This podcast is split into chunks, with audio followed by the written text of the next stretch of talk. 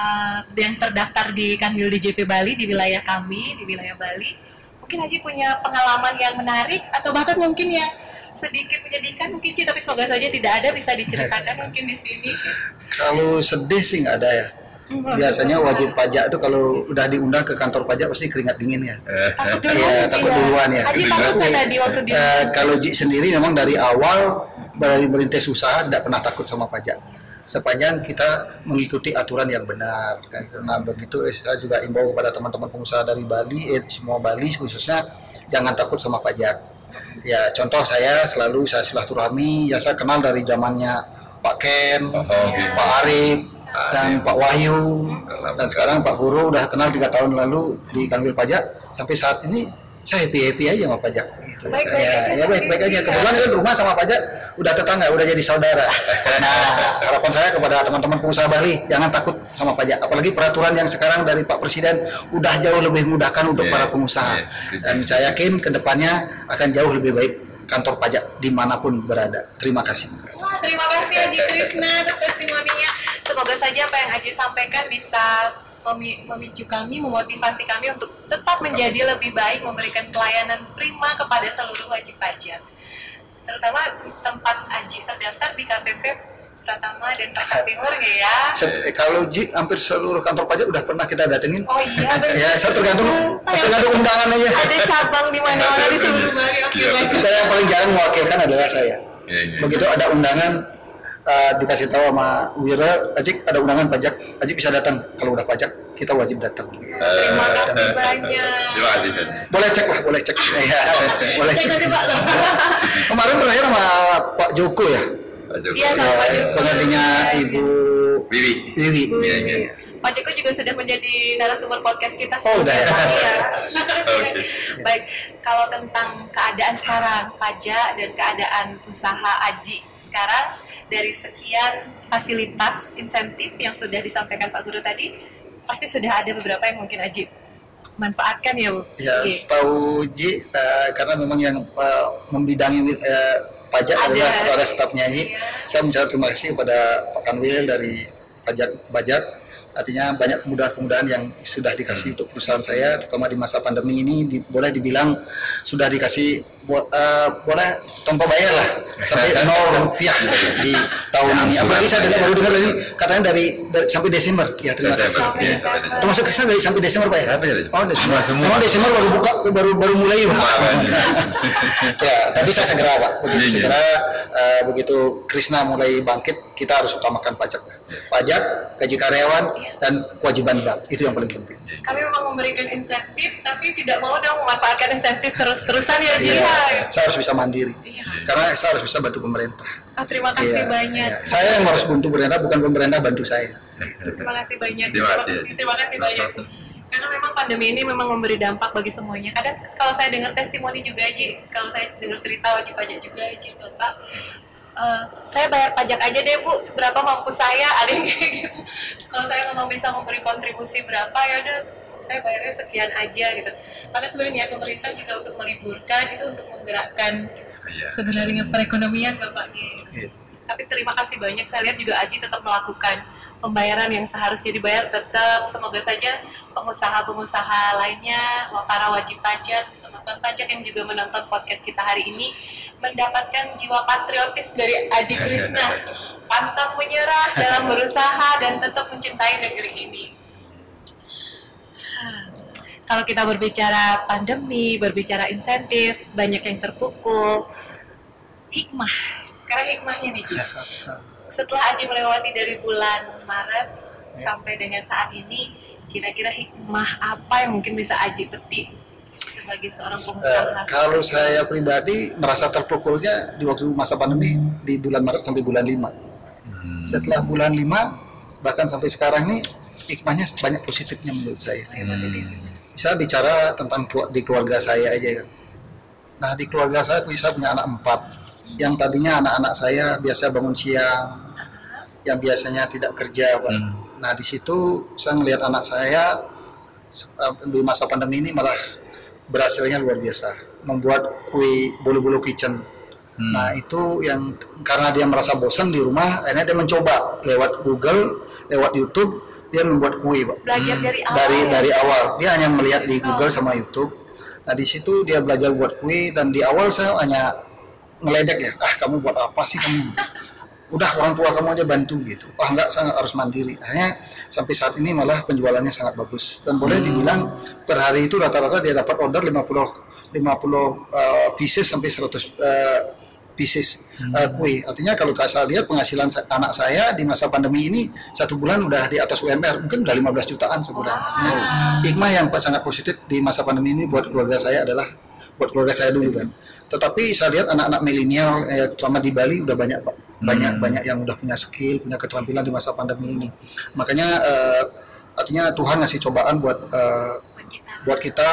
banyak yang positif. Artinya di masa pandemi ini malah anak-anak milenial banyak yang punya skill, punya keterampilan membuat kuliner, membuat kue, buat apa. Nah, makanya di sini kan banyak yang jualan online. Iya, iya, nah, artinya ke depannya saya yakin 2021 anak-anak milenial ini lebih hebat dari bapak-bapaknya.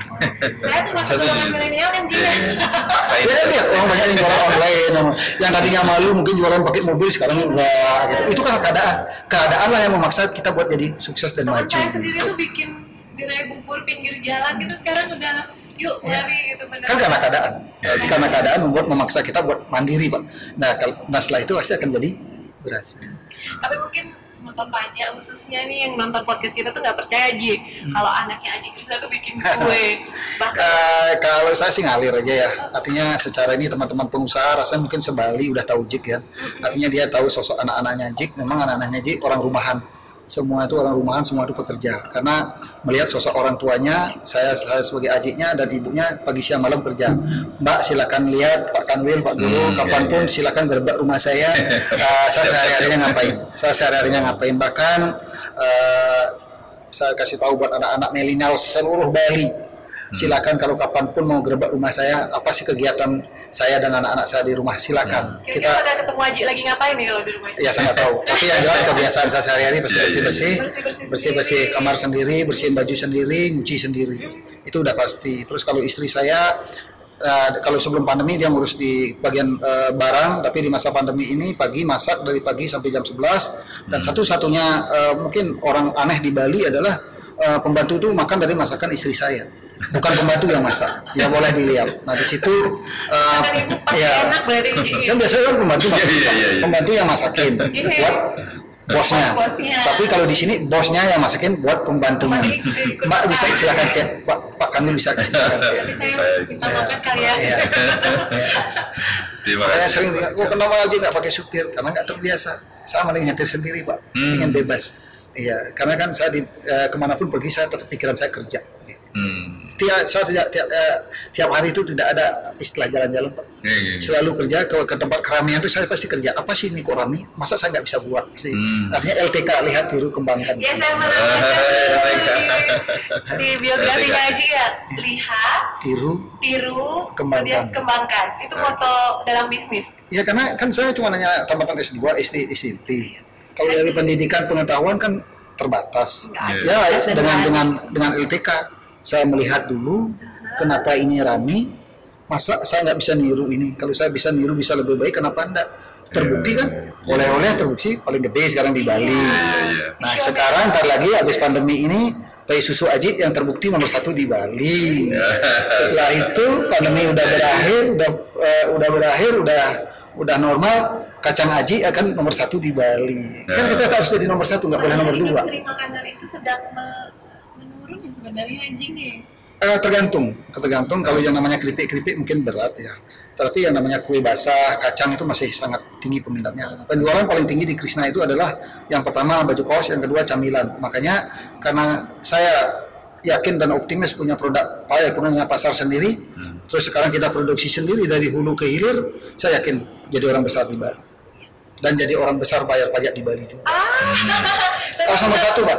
Harus uh, produk kita harus nomor satu, perusahaan kita harus nomor satu, terus uh, pembayaran pajak juga kita harus nomor satu. tetap Ya, juara di siap, segala bidang Aji ya Itu harapan. harapannya semoga terkabul tadi kalau kita moto dalam berusaha sekarang dalam hidup Nah, kalau tanya foto hidupnya aja ya Pak Ji. Mungkin bisa di-share ke semeton. Saya sih sangat sangat simpel sekali ya.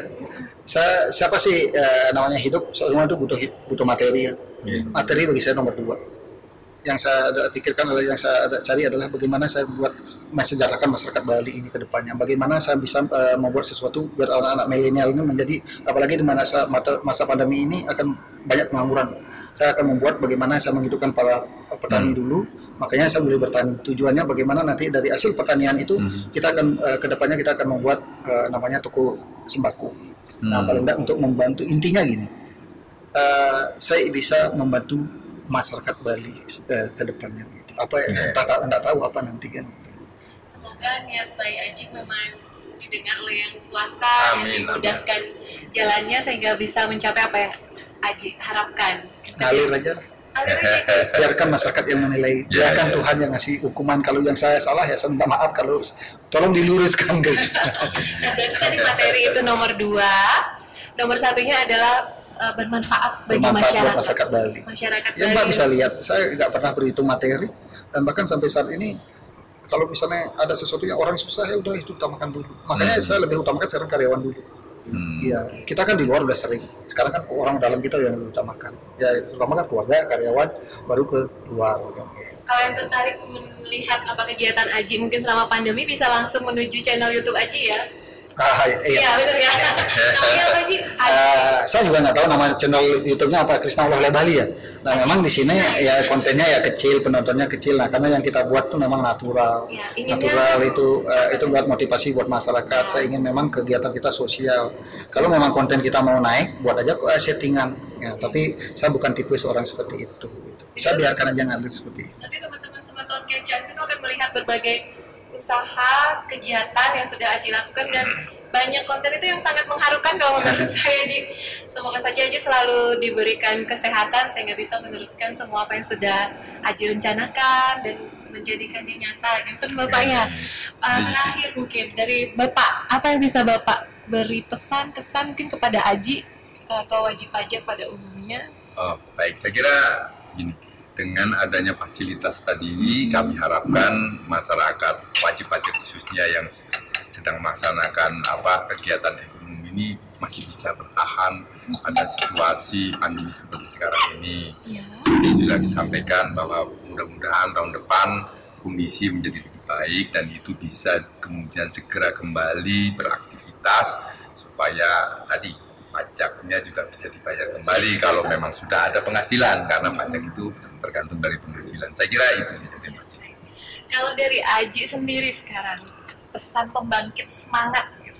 apa yang bisa Aji sampaikan untuk seluruh pemuda Bali, pengusaha Bali, pembangkit semangat dari Aji Krisna? Ya saya selalu, saya selalu sampaikan kepada anak-anak milenial kan, terutama anak-anak milenial Bali, kita tetap harus bangkit, semangat, sabar, Sampai dan yang paling penting adalah kerja keras dan emosional dikontrol itu sih paling penting. Karena kalau tidak semangat, ya pasti Hmm. apa diam aja kan. Hmm. Nah, makanya di sini harus yang pertama adalah kerja keras, kemauan sih paling penting. Yang terakhir emosional dikontrol. itu, itu apa maksudnya Ji? Kontrol emosi Ji. Karena kalau kita tidak bisa kontrol emosi, apa pun kebijakan yang kita lakukan tidak akan bisa selesai dengan harmonis. Tidak akan kebijakan-kebijakan kita eh, nggak akan apa ya eh, betul-betul eh, bijaksana kita memutuskan Iya. sesuatu. Makanya kalau kita udah bisa nahan emosi, apa pun yang kebijakan-kebijakan yang kita eh, sampaikan ke manajemen atau apa pasti akan jadinya akan jauh sempurna. Makanya sampai saat ini Mbak boleh lihat, Pak Guru boleh lihat, saya dengan seluruh karyawan itu saya sih lebih orangnya sedikit bicara tapi bekerja. Hmm. Aji terkenal lebih pendiam berarti ya? Enggak Iya, juga sih, enggak. cuman lebih pekerja tetapi tidak bisa merentah gitu. Hmm. Artinya saya nggak orang, saya nggak suka merentah-merentah karyawan. Yang saya saya adalah caranya dengan melakukan pekerjaan bayar karyawan yang melihat saya. Hmm. Begitu karyawan melihat saya kan sungkan. Dibantu syukur enggak juga nggak apa-apa. Ayo dicatat namanya lo. Sepertinya kalau kita ceritakan dari awal banget cerita Aji dari merintis pertama kehidupan masa kecil, saya juga lihat podcast Aji yang ketemu Dadong Nini. Nini Oh, Tumas. Tumas. Nini Tumas ya, Nek Tumas gitu. Kalau disusun dalam sebuah buku itu mungkin akan sangat menarik, gitu akan menginspirasi lebih banyak orang. Ya, ya. Nah kebetulan eh, ini dari bulan kemarin eh, tim tim konten YouTube Krishna itu dia berusaha menggali membuat eh, ingin mengangkat eh, ke YouTube ke YouTube ke channel ke konten YouTube bagaimana perjalanan Jeep waktu kecil. Nah kalau yang kemarin kan kita baru launching di berupa buku berupa buku lewat Bang Andi Noya. Nah sekarang tim YouTube dia mencoba mencoba dia akan eh, apa ya eh, mencari membuat konten untuk di YouTube bagaimana perjalanan Jeep waktu kecil. Nah nanti kita eh, nanti tunggu tonton bulan depan di channel Krishna oleh-oleh. Bagaimana. Selain follow, subscribe, dan like channel podcast Kecap dari kami di JP Bali, jangan lupa juga untuk follow, subscribe, dan like, share juga Ya. channel YouTube dari Krisna Oleh Oleh Bali. Baik Aji, saya ucapkan terima kasih banyak sudah meluangkan waktunya untuk hadir di sini. Terima kasih juga kepada Pak Goro di tengah kesibukan akhir tahun yang saya tahu sangat padat sudah hadir di podcast Kecap. Semoga saja harapan saya dan harapan semua anak bangsa pandemi ini memang segera berlalu dan Indonesia, Bali khususnya bisa bangkit kembali lebih baik lagi dari tahun-tahun sebelumnya. Amin. Ketika saya berusaha simpulkan mungkin dari apa yang sudah Aji lakukan dari kisah Aji eh, ada sebuah kalimat mungkin Aji ya yang memiliki niat pasti akan berjuang yang mau berjuang pasti akan menemukan peluang sehingga akan menjadi orang bijak seperti Aji Krishna di mana orang bijak taat pajak. Terima kasih banyak kami ucapkan. Sampai jumpa di podcast berikutnya. Saya Ayu, Aji Krishna, dan Pak Guru pamit. Terima kasih.